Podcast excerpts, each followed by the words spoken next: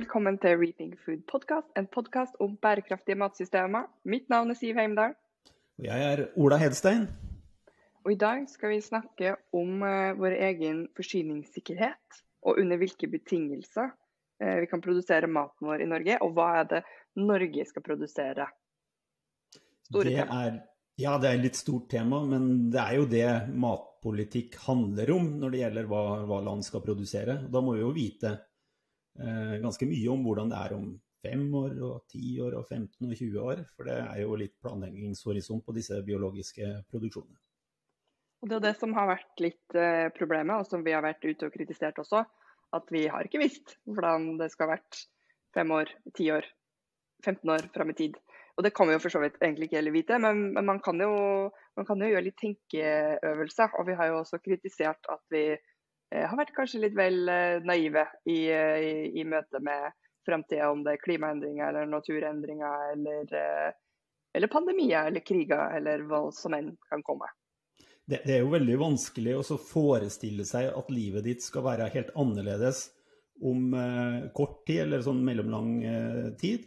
Eh, men nå har vi jo da erfart litt hvordan det er og hvor tilpasningsdyktige vi er. Altså, pandemien jeg ville jo aldri drømt om at det gikk an å stenge ned Oslo slik jeg opplevde det i det hele tatt, men det gikk jo faktisk eh, fint. Jeg trodde jo det, det Kina gjorde var liksom umulig i en norsk kontekst, men selv om vi ikke sveisa igjen dørene til folk, så, så var det jo ekstremt uh, tøffe tiltak. Uh, og jeg hadde Rett og slett, jeg, hadde, jeg, jeg, har trodd at det kom til å bli krig i Europa igjen, men ikke nå når det skjedde. Nei, så Det er jo da vår evne da, til å faktisk ta inn over oss at uh, verden kan endre seg. Det er vi egentlig ganske dårlige på. Men det betyr jo ikke at uh, vi bare kan gi opp av den grunn. Uh, det er ganske viktig at vi faktisk gjør de øvelsene. Men bare uh, for å rydde opp i noen begreper her, for jeg er litt forvirra sjøl, faktisk. For Når vi snakker om de tingene her, så er det mange begreper som blir kasta opp og brukes om hverandre. Men de har jo litt forskjellig betydning. Så hva er egentlig forskjell på forsyningssikkerhet, eh, matsikkerhet og selvforsyning? Kan du raskt bare forklare litt eh, forskjellen? Ja, det skal jeg prøve. Men, eh, for det finnes jo flere måter å forklare disse tingene på. Det kan jo bli veldig sånn nerdete. Men eh, mens vi starter på, på matsikkerhet, eh, da kanskje til forskjell for mattrygghet, som er et annet ord som brukes, så handler mattrygghet om at maten skal være trygg. Og matsikkerhet handler om at du har tilgang på nok mat. Ganske sånn enkle ting når du holder dem fra hverandre, men disse blir ofte blanda sammen. Eh, så har du sjølforsyningsgrad, som vi har som et sentralt element i, i norsk landbruks- og matpolitikk. Eh, og det går på hvor mye av den maten vi spiser, er vi i stand til, eller produserer vi i Norge på norske ressurser.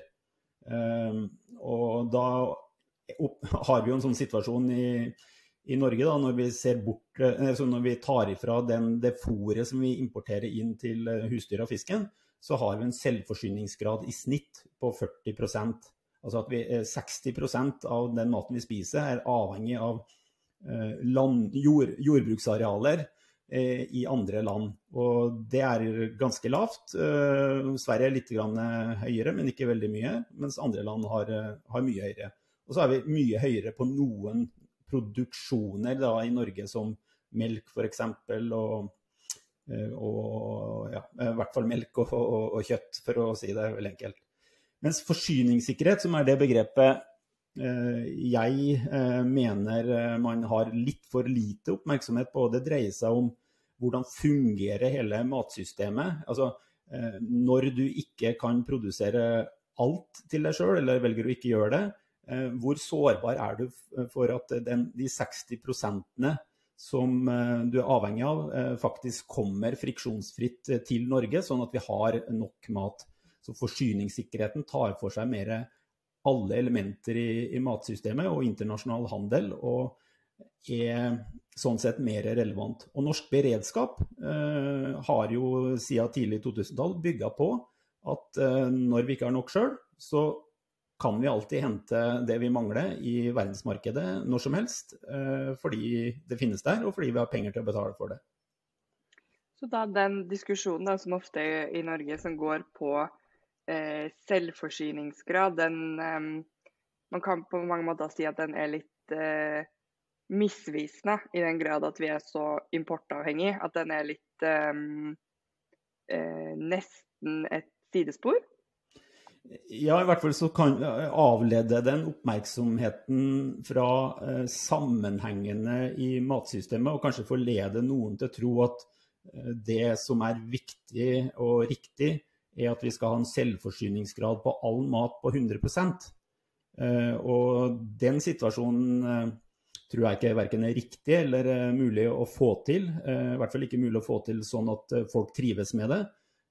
så vi er avhengig av å kjøpe og handle mat med, med andre i forhold til hva vi sjøl spiser, og ikke minst i forhold til at vi eksporterer betydelige mengder uh, fanga fisk og, og oppdrettsfisk. Så, så vi, er, vi, er, avhengig av handel med mat. og skal vi fordele maten sånn at det blir nok til alle i verden, så er det eh, områder på planeten som ikke er i stand til å produsere nok selv, som må kjøpe maten fra de her store kornområdene eh, og, som finnes, i, finnes, noen steder i verden, deriblant da Ukraina og Russland. Så det begrepet som vi vil bruke fremover, da, det er jo da forsyningssikkerhet? Ja. Vi snakker mest om det, og så eh, vil vi gjerne være med på å diskutere og belyse hvor stor selvforsyningsgrad bør vi ha. Det er sånn vikt, et viktig mål å sette. Eh, men for å sette sånne mål, så må du vite noe om hvor sårbar er vi? Eh, altså hvor, hvor, sannsynlig er det at vi mister tilgangen på mat fra eh, internasjonal handel? i kortere eller lengre perioder. Det er liksom nøkkelen til å fastsette hva selvforsyningsgraden skal være. Det må ikke bli symbolpolitikk og en konkurranse om å ha høyest, høyest mulig prosentandel eh, bare for å konkurrere om hva man tror er mulig å få til. For det koster noen ting å produsere mat i Norge med såpass svake naturgitte betingelser for å produsere mat som det er her i nord. Skal du bare ta veldig kort for dem som ikke vet det, eh, de veldig svake naturgitte betingelsene for å produsere mat her i nord? Ja, det, eh, det, dreier seg jo selvfølgelig om klima. Vi har en veldig kort eh, vekstsesong. Og derfor er det flere produkter vi liker å spise som vi vanskelig kan produsere. Selvforsyningsgraden, altså den mengden frukt, grønt og bær som vi spiser, er jo lav fordi den sesongen er veldig kort, og de varene er veldig sånn eh, Mange av de er lite lagringsegnet. Eh, så, så det er et eksempel på en portefølje mat som vi er avhengig av å importere. Eh, og så har du sånne, om ikke eksotiske, men sånn produkter vi liker som det ikke er mulig å produsere i Norge, som ris. Vi har jo spist grøtris i hvert fall i mange mange generasjoner. Eh, og det, det lar seg ikke produsere i Norge. Belgvekster òg er har, har, vist seg å være krevende, så vi har veldig lite av det. altså Bønner, linser og den type, type produkter. Og så er det kornproduksjon der hvor vi har veldig lite landbruksjord som egner seg til det også. Det er det, men der har vi vært flinke til å utnytte de, de mulighetene vi har. Så, så, vi vet på gode år så klarer vi å produsere Eh, svært mye av det matkornet eh, vi trenger. Så, så det klimatiske forholdene, og så har vi det topografiske. Det er liksom små jordbruksenheter. Det er ganske kostbart å drive. Bare drøye 3% av landets totale arealer kan brukes til, til, matproduksjon. Så vi må ta husholdet på den matjorda vi har, veldig, veldig kritisk. Eh, det er kanskje de to, to de tre viktigste tingene. Da, at eh, klimaet, eh, topografien som gjør at vi har eh, små enheter og vanskelig tilgjengelige arealer, mye beiter, og da Nå datt jeg bort, hva jeg glemt å si det tredje. Ja, lite, lite jord i, i, i sin alminnelighet. Mm, så det er jo da forutsetningene våre som ikke er kjempebra. Så med tanke på de forutsetningene vi har, så syns jeg jo det er ganske bra at vi faktisk klarer å produsere 40% av den maten eh, vi spiser. Så det er jo eh, Der får vi bare ta av oss hatten til de som eh, får så mye ut av, ut av, den jorda vi har.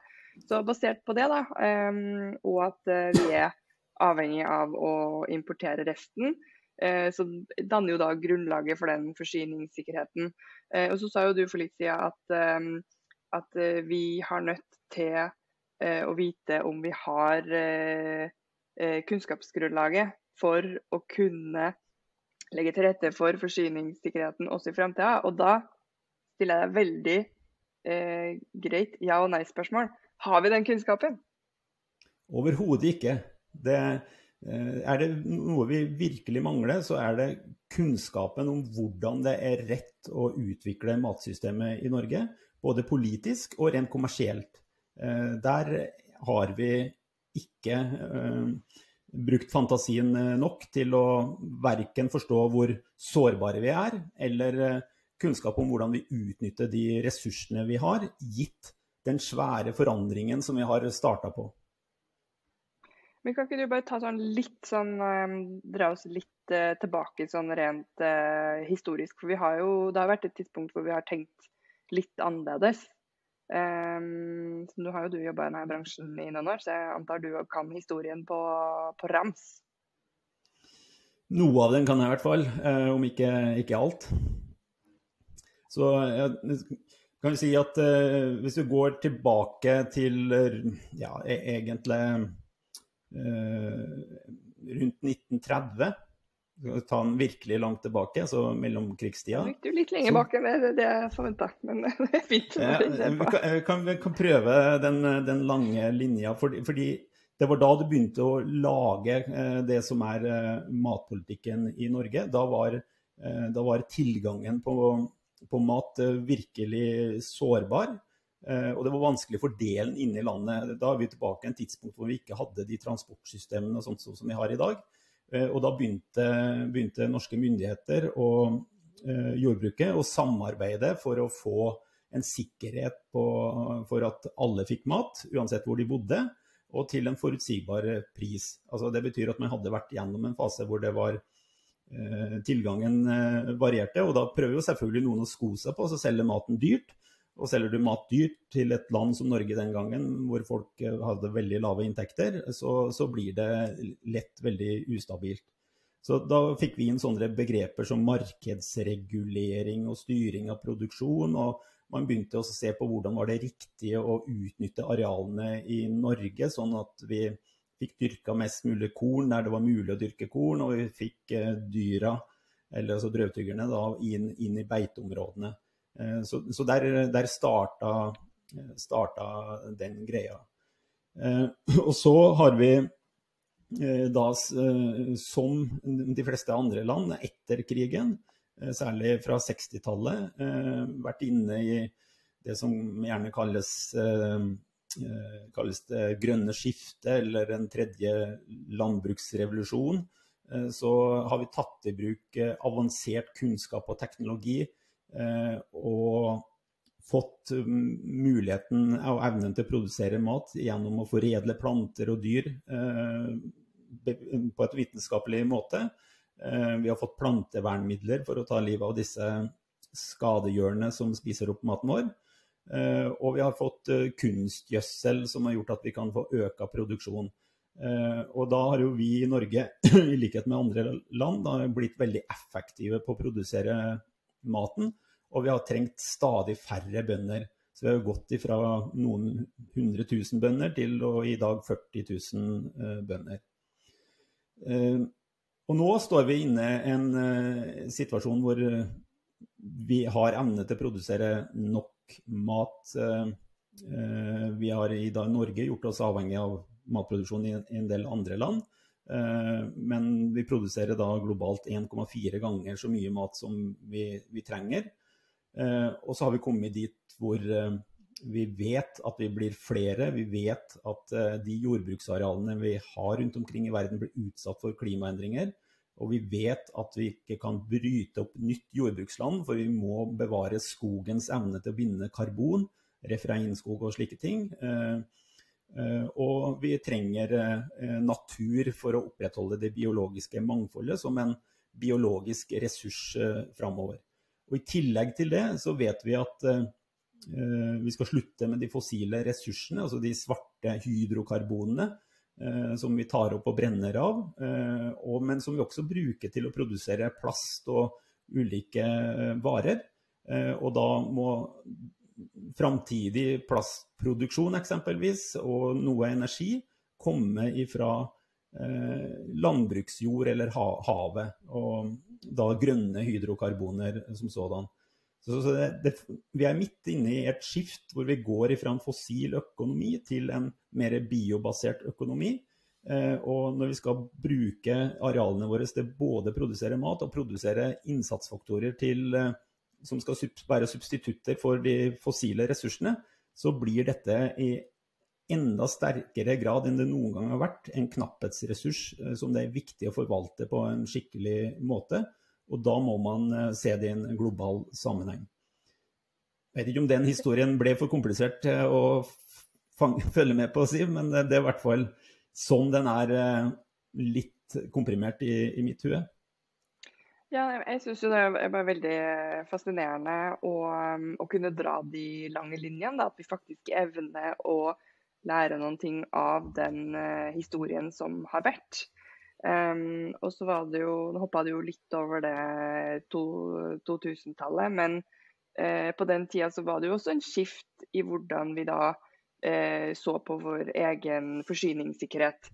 Um, og på den tida så så hadde man kanskje litt vel optimistisk framtidstro. Det har vært veldig hyggelig å operere i politikken på den tida.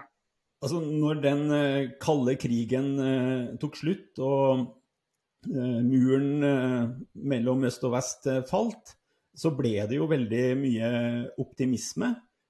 Og man håpa jo veldig at nå skulle alle land i verden samarbeide og sameksistere mer.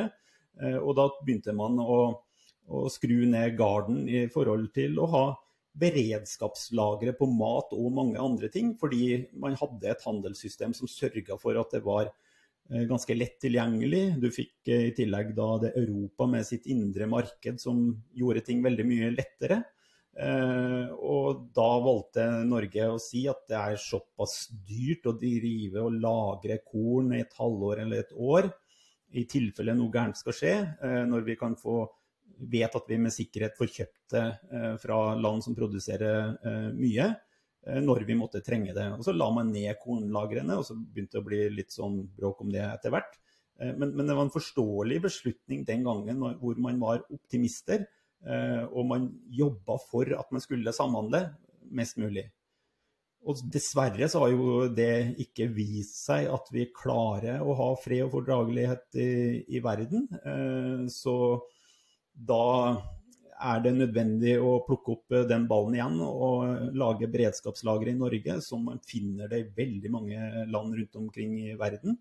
Eh, ja, ikke minst, eh, ikke minst India har vært opptatt av det og liksom stoppa store handelsavtaler pga. deres interesse eller behov for å sikre mat til alle de indierne som, som finnes. Eh, og hadde da behov for et annet system enn det som var, var lagt til rette for i, i, i handelsavtaler. Så, så, nå er vi tilbake der hvor eh, vi ikke stoler på hverandre. Vi, det er like sannsynlig med en todeling av eh, kloden eh, framover igjen. Eh, og da må vi tenke beredskap av, av den grunn. Og I tillegg så har vi det, eh, den knapphetssituasjonen da, hvor klimaendringene gjør matproduksjon mye mer eh, krevende og vanskelig. Eh, og det må vi også ta høyde for, og det har vi ikke gjort med dagens eh, rigg. Så nå står vi da i en situasjon hvor, hvor vi har behov for mer kunnskap, hvis jeg skal oppsummere litt det jeg tror er, er budskapet ditt. At uh, vi vet jo en del om hvordan verden kommer til å, endre seg. Uh, for vi har jo vi har jo um, signert en del avtaler på hvordan vi har tenkt å, at verden skal gå i den retninga. Eh, så det må vi da legge til grunn at vi har faktisk tenkt eh, å gjennomføre. Eh, og vi har ganske mye forskning på hvordan eh, klimaendringer vil, eh, vil, påvirke verden. Så nå handler det vel egentlig om å ta i bruk den kunnskapen vi har, eh, og tenke noen kloke tanker og tenke litt sånn scenarioer. Eh, ikke bare de hyggelige eh, Disney Slutt på Disney-filmene, som er barn fra 90-tallet. Eh, vokste opp til å tro at eh, alle, alt blir bare happy ending. Men vi må også evne da å, å bruke den kunnskapen og tenke worst case. Ja, det, altså Bærekraftsmålene og Parisavtalen, altså det vi har forplikta oss til, til, der, eh, det er jo at verden skal bli helt annerledes. Eh, at økonomien skal fungere annerledes, eh, og at vi skal gjøre ting på en bedre måte. Så mye av sporene på å forstå framtiden ligger jo i det å utforske konsekvensene av de, de, målene vi har vært med å forplikte oss til. Og det er jo ikke bare, jo ikke bare storting og regjering som har forplikta seg til. Her har jo bedrifter, samfunnsliv i bredt vært og sagt at vi skal være med på å innfri Eh, disse eh, målene og gjøre vårt til at det skjer. Eh, så, så jeg syns det er riktig å si at vi er inne i en sånn samfunnstransformasjon hvor det vi opplever i dag, ikke ser sånn ut i 2030. Og det begynner å haste for myndigheter å forstå hvordan 2030 er. Og for bedrifter som vil konkurrere i, i framtidens marked, så er dette en viktig innsikt for å bygge konkurransekraft under nye betingelser.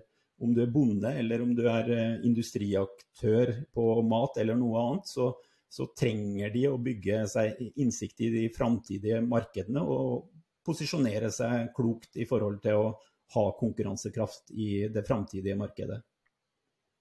Ja, for nå har vi jo snakka om eh, krig og pandemi og forsyningssikkerhet og mange sånne litt sånn skumle ord. Men eh, med alle de her Parisavtalene og, og bærekraftsmålene, så ligger det jo egentlig noe positivt i det. Den transformasjonen vi skal gjennom, er jo egentlig en, altså det er jo en positiv transformasjon. Så det, det vi sier her, er jo ikke at når vi snakker om at vi skal ha kunnskap om worst case, eh, så er det ikke fordi vi skal grave oss ned og tenke at eh, nå blir det det harde 20-tall eh, all over again. Det er jo for at vi faktisk skal leve i en bedre verden. Ja. Eh, eh, hvis du ser bort fra det tullet med krig og, og konflikt, eh, som, som, er et forstyrrende element mer, så, så, har vi jo det utgangspunktet i dag som er etter min mening sammenlignbart sånn som vi hadde på 1960-tallet. At vi har et gigaproblem, litt likt. Det handler om hungersnød og, og, evnen til å unngå det nå som på 1960-tallet. Eh, på 1960-tallet så begynte de å bruke kunnskap og teknologi, og, og klarte fram til i dag å øke matproduksjonen sånn at man unngikk at eh, det ble stadig verre og verre sult. Det var ganske katastrofale ting man så for seg på 60-70-tallet, eh, men det har man unngått. Og i den perioden så har man to til tre tredobla eh, matproduksjonen i verden, som er betydelig. Fram til 19, eh, nei, 2050 så er anslagene til FN og FAO at vi skal øke matproduksjon, eller øke tilgangen på mat, med omtrent 60% Forskjellen på da å si ikke øke matproduksjon, men tilgang på mat, det dreier seg at for å øke tilgangen på mat, så kan vi vinne mye på å redusere matsvinn og fordele den maten som vi produserer på en bedre måte. Så vi trenger ikke å tredoble produksjonen en gang til, men, men vi må håndtere ressursene smartere. Og, og, og, det å få til det er jo noe positivt, og vi vet jo at sånne ting er mulig, for vi har gjort det før. Eh, og vi har nye, ny kunnskap og ny teknologi å bruke i dag, og vi kommer til å utvikle mer kunnskap og teknologi.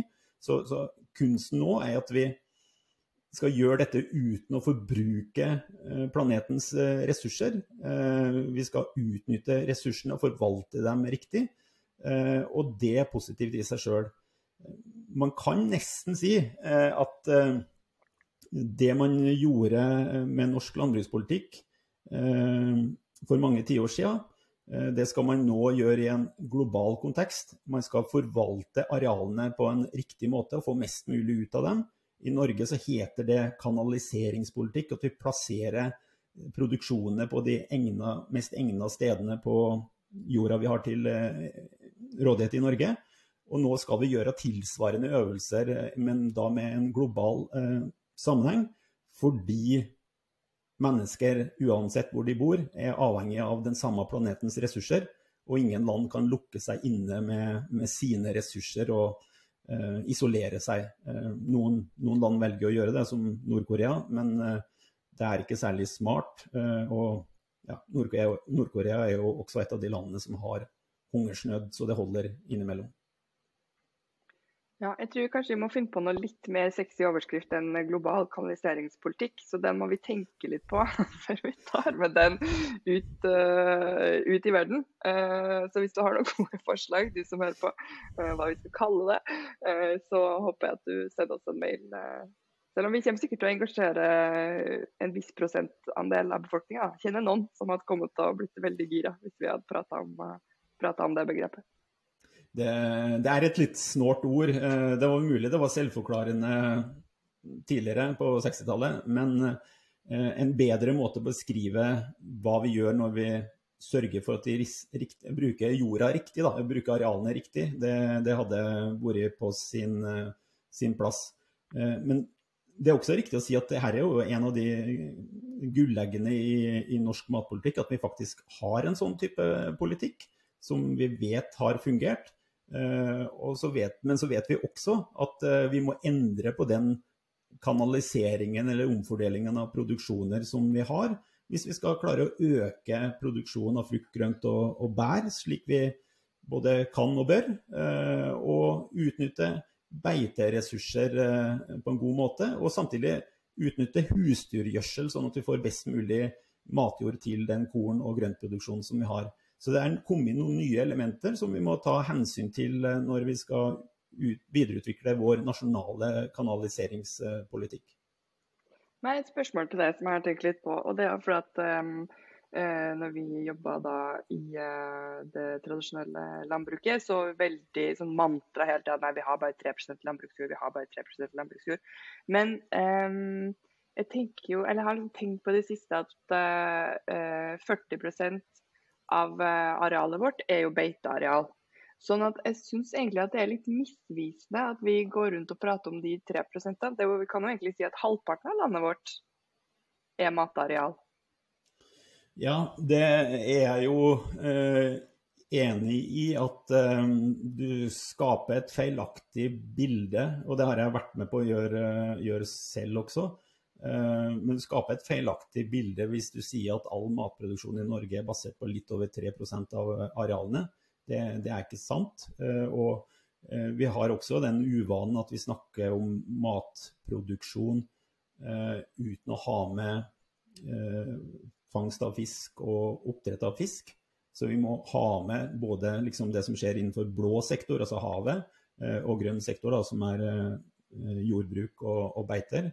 Eh, for å ha et riktig bilde av vår evne til å både forsyne oss selv med mat, eh, og ikke minst eh, produsere mat til andre land som ikke klarer å produsere nok til sine. Så Norge en, er en stor eksportør av mat, men en liten eksportør av jordbruksprodukter. Men jeg vil påstå at vi antagelig skal bli en om ikke en så kjempesvær eksportør av jordbruksprodukter, så, men så blir det viktig at vi eksporterer den type jordbruksprodukter vi kan produsere mer av enn det vi kan og bør spise selv.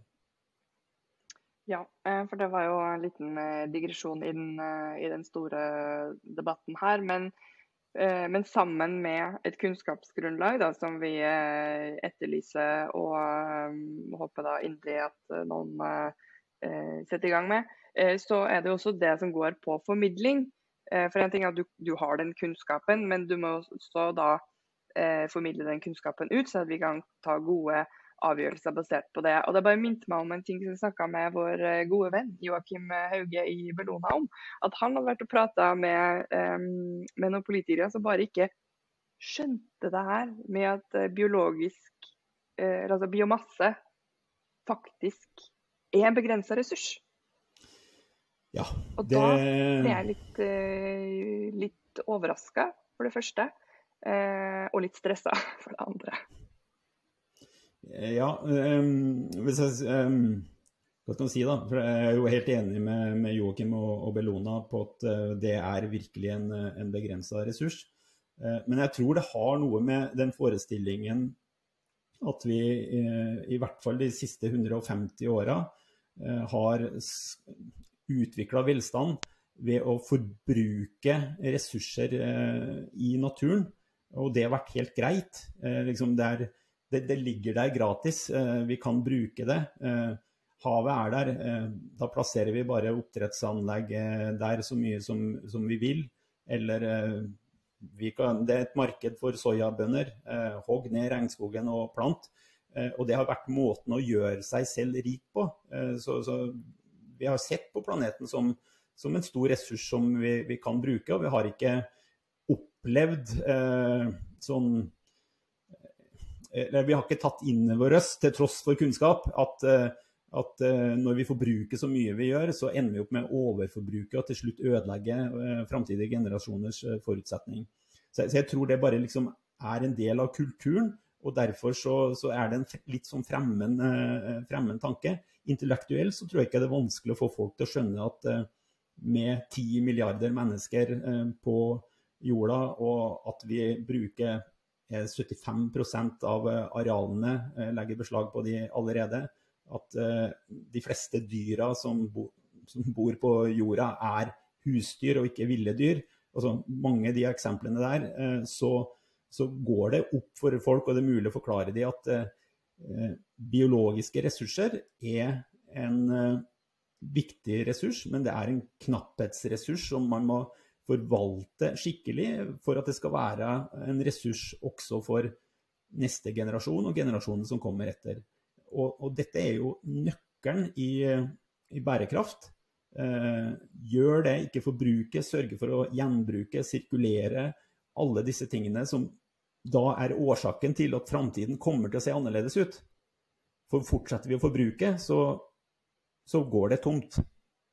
Det går jo tomt for olje og køl og gass og eh, også, bare som et sånn tydelig eksempel. Det har man jo tatt inn over seg. Men naturen er jo ikke noe annerledes. Eh, den, eh, den, den produserer år etter år etter år og fornyer og fornyer. Men hvis vi undergraver muligheten til fornying, så blir det mindre og mindre og mindre. Og det, Dit har vi jo kommet i en del av jordbruksproduksjonene. at jorda som vi bruker, blir utarma og er avhengig av tilførsel av nye næringsstoffer fra fossilt kunstgjødsel eh, i stadig økende grad år for år. Og da, da, blir jo ikke jorda et dyrkningsmedium som har kraft til å produsere mat, det blir et sted å plassere planter hvor du forsyner eksternt fra eh, da næringsstoffer som, eh, som det er òg eh, knapphet på. Ja, så vi har en liten jobb å gjøre før eh, vi kan huke av eh, de globale matsystemene som eh, bærekraftige. Men dele din framtidstro, at vi er på 1960-tallet og ikke 1920-tallet. At vi har kraftfulle verktøy som vi kan ta i bruk hvis vi gjør det på en ordentlig måte og ikke går bananas. Men at vi evner da å tenke to tanker i hodet på en gang. Men da trenger vi det her kunnskapsgrunnlag. Så hva, hvordan kommer vi dit? Ja, det,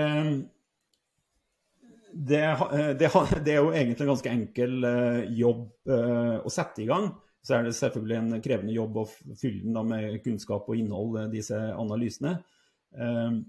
Men det viktigste nå er at vi blir mer opptatt av å finne ut hva som skjer, og hva som er rett å gjøre.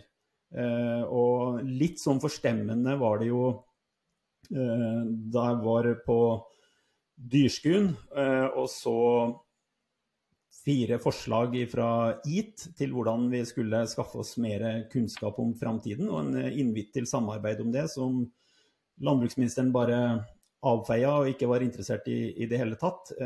Det forteller meg jo at det er en vei å gå. Men så hadde vi jo en prat nylig her med et av opposisjonspartiene på Stortinget, Venstre, med Alfred Bjørlo, som ga uttrykk for en stor iver etter å komme i gang med å lage dette kunnskapsgrunnlaget.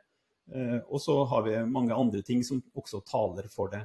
Så på, på, på, lang sikt så tror jeg jo, nei, på, på, kort sikt så tror jeg jo nå det er bare mulig å få bedre kunnskapsgrunnlag ved at sånne som oss i Rethink Food eller andre Eh, aktører eh, begynner å jobbe med det og få opp mer kunnskap i eh, debatten om hva vi må være forberedt på, hvilke risikoer vi står overfor og hvilke muligheter vi har til å utnytte jorda.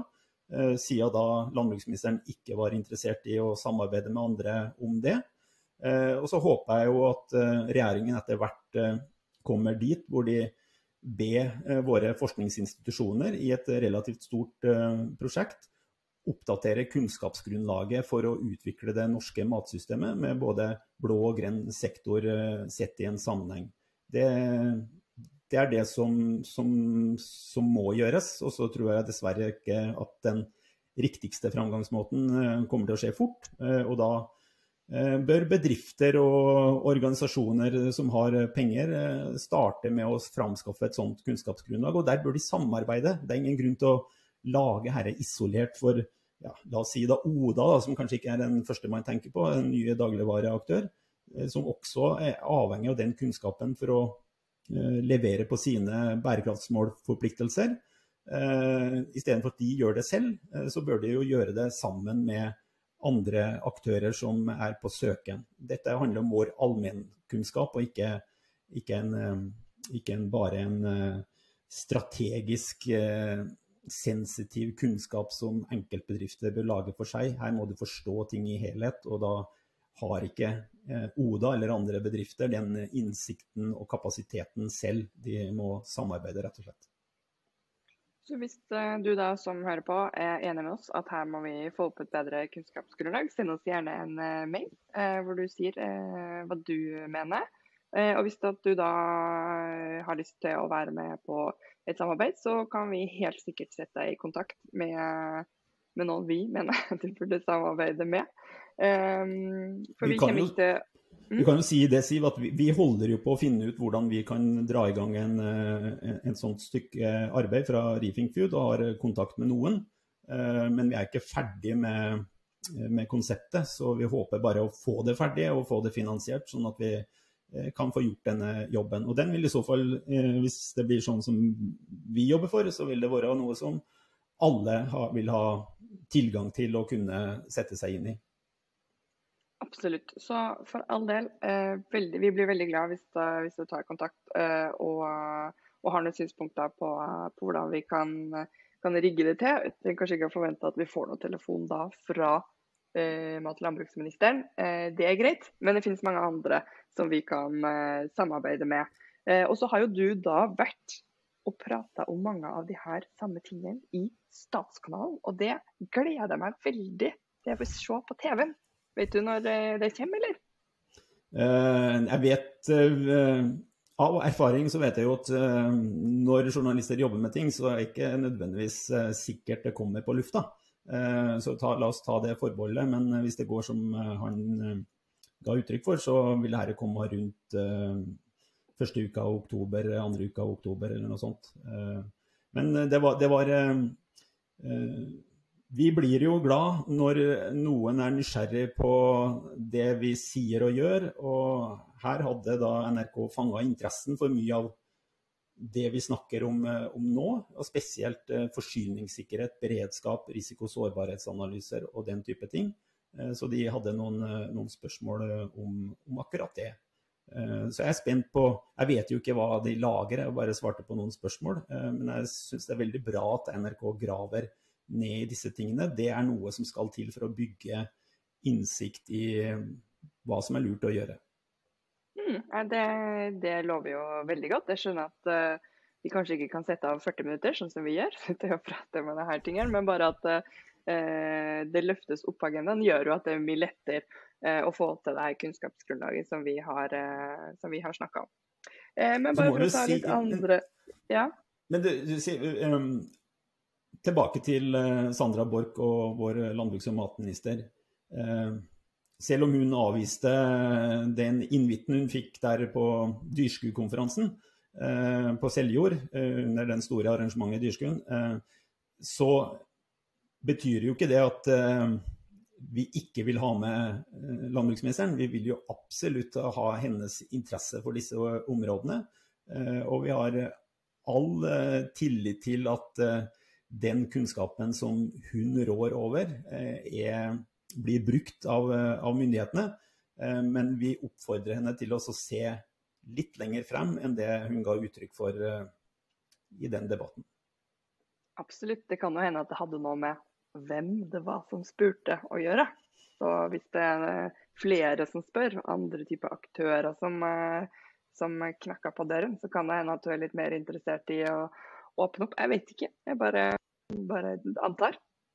For, for, de som lurer litt på det som ble litt kryptisk nå, da, så, så, gå på våre nettsider. Der har vi eh, gjengitt de fire forslagene som eh, landbruksministeren ikke responderte veldig positivt på. Eh, og forklart litt eh, hva vi mener ligger i dem. Eh, og da kan du gjøre deg opp din egen mening på om det var eh, fornuftige forslag eller, eller ikke. Ja, det ligger, det ligger, ganske høyt oppe på vår nettside, så det tror jeg du skal finne finne ganske greit. Eh, men bare for å ta litt andre sånn housekeeping-ting som kommer videre framover.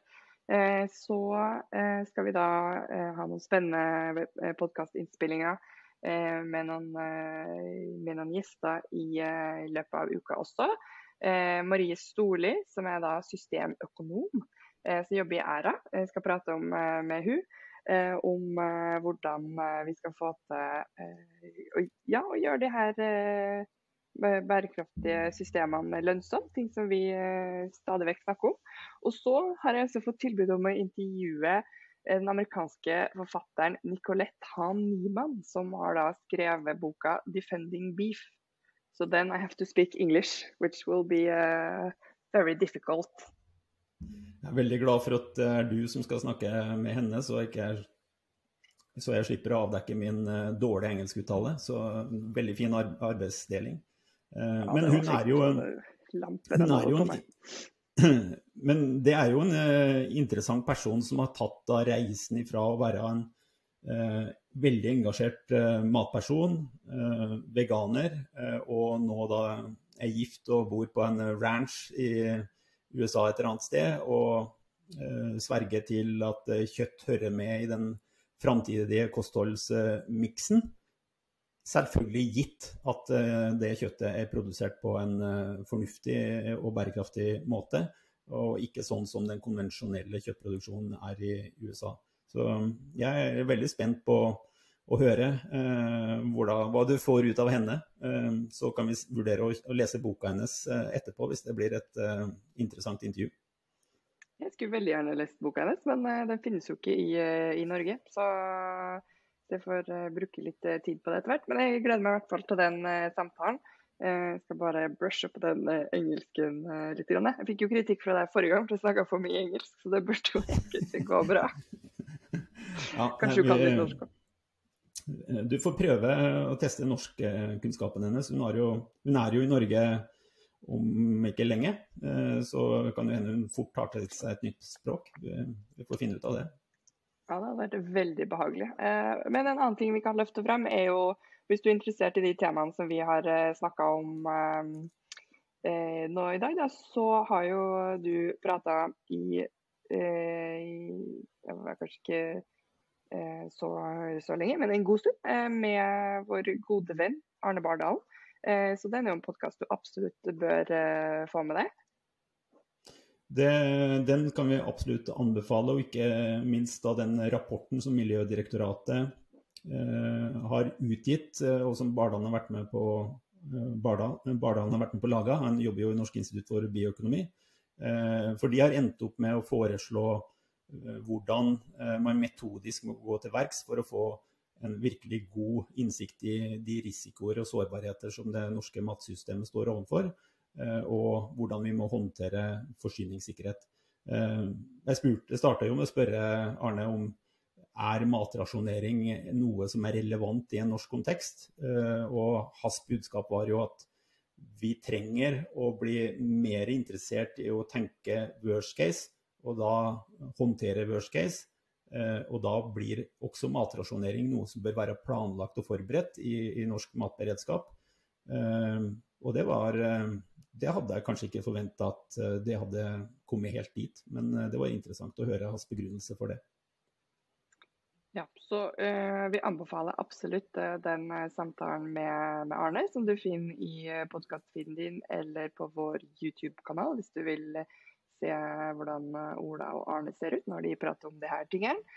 og så har jeg vært og snoka inn i kalenderen din, for nå har ikke Nasjonen skrevet om hva du har drevet på med det siste, så da må jeg tilbake til de gamle metodene. og neste uke så er det jo da skal du på to spennende, spennende konferanse. Eh, og det, jo, det, ene er jo eh, temadag for eh, Teknologisk matforum. Det er vel også matsikkerhet på agendaen, hvis jeg ikke husker helt, helt feil. og så er det jo da S-Food og Norgeskveld har um, en samarbeid om en konferanse som går på matgründeren samarbeid og bærekraft. Så det er da um, onsdag er det Matforum, og torsdag er det er det da eh, konferanse på eh, det gamle landbrukets eh, hus, som går da på Matgründeren. Så det er masse spennende ting som skjer. Ja, jeg var jo så heldig å få sitte i, i en jury for Norges Vel S-Food på Gründerprisen. Så vi har tråla gjennom noen kandidater innenfor matsektoren som da er gründere, og som vi syns var verdt en hederlig omtale. Eh, så skal jeg ikke røpe hvem det blir, men eh, kandidatene er jo ute der. Og eh, det er helt fantastisk hva, hva som går an å gjøre av helt nye ting. Og hvis, hvis du er deprimert etter å ha hørt oss snakke om forsyningssikkerhet og beredskap og sårbarhet og alt mulig sånne ting, så se på hvilke gründere og startupsbedrifter som har løsninger på problemer som finnes, både innenfor teknologi og, og nye matproduksjoner det er eh, så mye som er mulig å gjøre istedenfor og i tillegg til eh, det vi gjør i dag, som vil bidra til å skape en god framtid. Eh, og det er der vi må ha blikket, og ikke på traurige, depressive ting. De må vi være forberedt på å håndtere, men det er mulighetene vi må gripe. Det er det som skaper framtiden. Og med det positive avslutninga der, så setter vi strek. Så takk for nå, og så snakkes vi. Ha det godt.